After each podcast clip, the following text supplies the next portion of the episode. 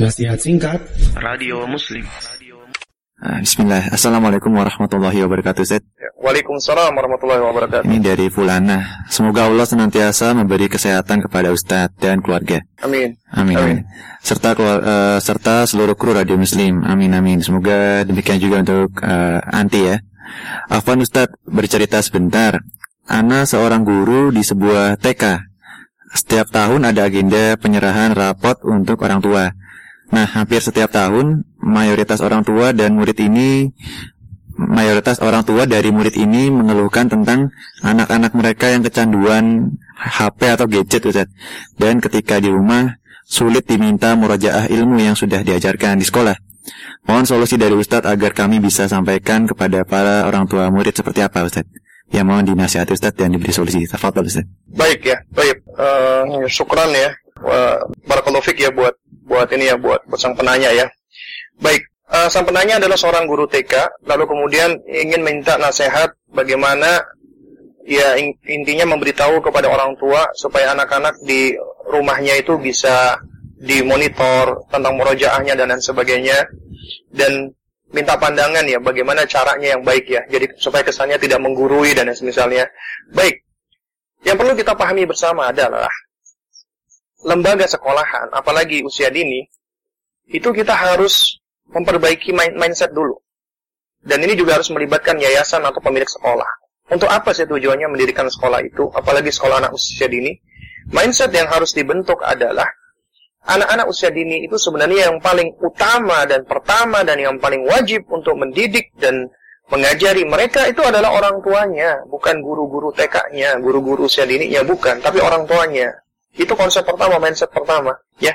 Nah, tapi mungkin orang tuanya memiliki keterbatasan. Ya, sehingga dia butuh bantuan. Boleh kita bermitra, berpartner dengan orang-orang lain di antaranya lembaga sekolah guru-gurunya, tapi perhatikan anak dijadikan sebagai eh guru maksud saya guru itu dijadikan sebagai mitra partnernya orang tua di dalam mendidik anak bukan menjadi tempat penitipan anak ya sehingga semuanya diserahkan kepada gurunya sedangkan di rumah akhirnya anak dibiarkan. Ini suatu konsep yang keliru. Karena itu makanya sekolahan harus memfasilitasi ya supaya yang namanya partnership atau kemitraan ini bisa berjalan. Yaitu dengan memfasilitasi adanya kajian-kajian parenting buat mereka para orang tua. Harus ada. Yang kedua juga ya harus ada komunikasi yang baik. Dua arah ya dan timbal balik antara guru dengan orang tua. Artinya ya entah itu dengan catatan dengan buku atau dengan komunikasi WA dan lain sebagainya harus ada harus ada komunikasi. Ya guru menyampaikan perkembangan-perkembangan di sekolah orang tua juga harus melaporkan kondisi anaknya di gurunya. Idealnya seperti itu gitu loh.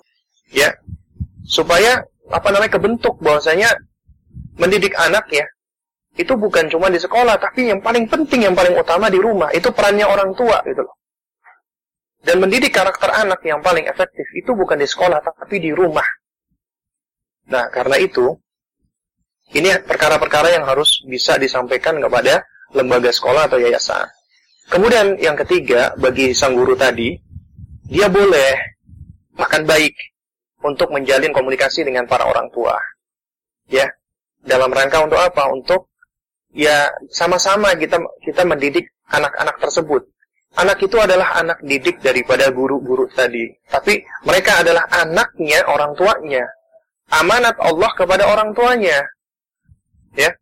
Nah, sehingga kita boleh memberikan arahan-arahan arahan itu bisa kita sampaikan by lisan atau tulisan. Misalnya begini, ya, bikin semacam uh, jurnal anak-anak ya, jurnal harian atau uh, namanya report ya, report entah harian atau dui harian ya, tapi yang lebih baik harian.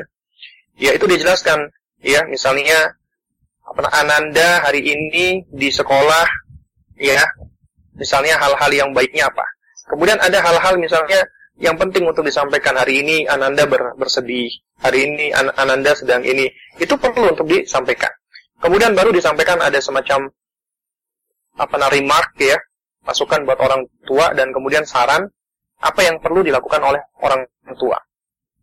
Ini perlu.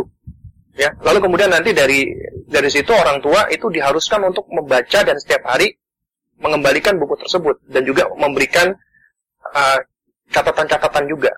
Ya ananda di di rumah begini. Jadi itu suatu hal yang perlu dilakukan karena ag agar ada komunikasi apalagi ini anak-anak usia dini gitu loh. Ya. Nah jadi yang namanya menyampaikan kepada orang tua bukan cuman terima, apa cuman pas keteri, apa ketika apa rapotan jadi terima rapot baru kemudian kita ngomong kita kita sampaikan tidak ya jadi terima rapot ini adalah hanya sebagai salah satu laporan mungkin uh, ketika di akhir semester dari program pendidikan tersebut. Ya. Tapi laporan ini bukanlah laporan yang bisa menggambarkan semua kondisi gitu loh. Tapi laporan yang lebih baik adalah laporan yang memang sifatnya kontinu dan terus menerus. Dan itu melibatkan orang tua. Lalu kemudian yang keempat adalah sebagai guru kita tempatkan kita ini bukan sebagai pesuruhnya orang tua, bukan. Tapi kita adalah partnernya, mitranya mereka. Karena itu tempatkan diri Anda sebagai seorang mitra, sebagai partner. Ketika Anda menempatkan diri Anda sebagai seorang mitra, sebagai seorang partner, ya maka Anda nggak perlu khawatir dan takut untuk apa takut untuk menggurui dan yang semisalnya Anda. Jadi anda boleh menyampaikan misalnya uh, bapak ibu bisa bisa nanti ananda ketika di rumah nanti dibantu bu supaya ini ini ini nanti supaya itu dan ini memang kalau bisa tuh harus ada standar dan acuan-acuannya dan harus ada apa namanya harus ada istilahnya uh, standar pencapaian yang diharapkan dari sang anak ya dengan melihat misalnya dari fase-fase namanya perkembangannya. Ya, dari sensoriknya, dari ini itu semua adalah hal-hal yang harus dilatih dan diperhatikan.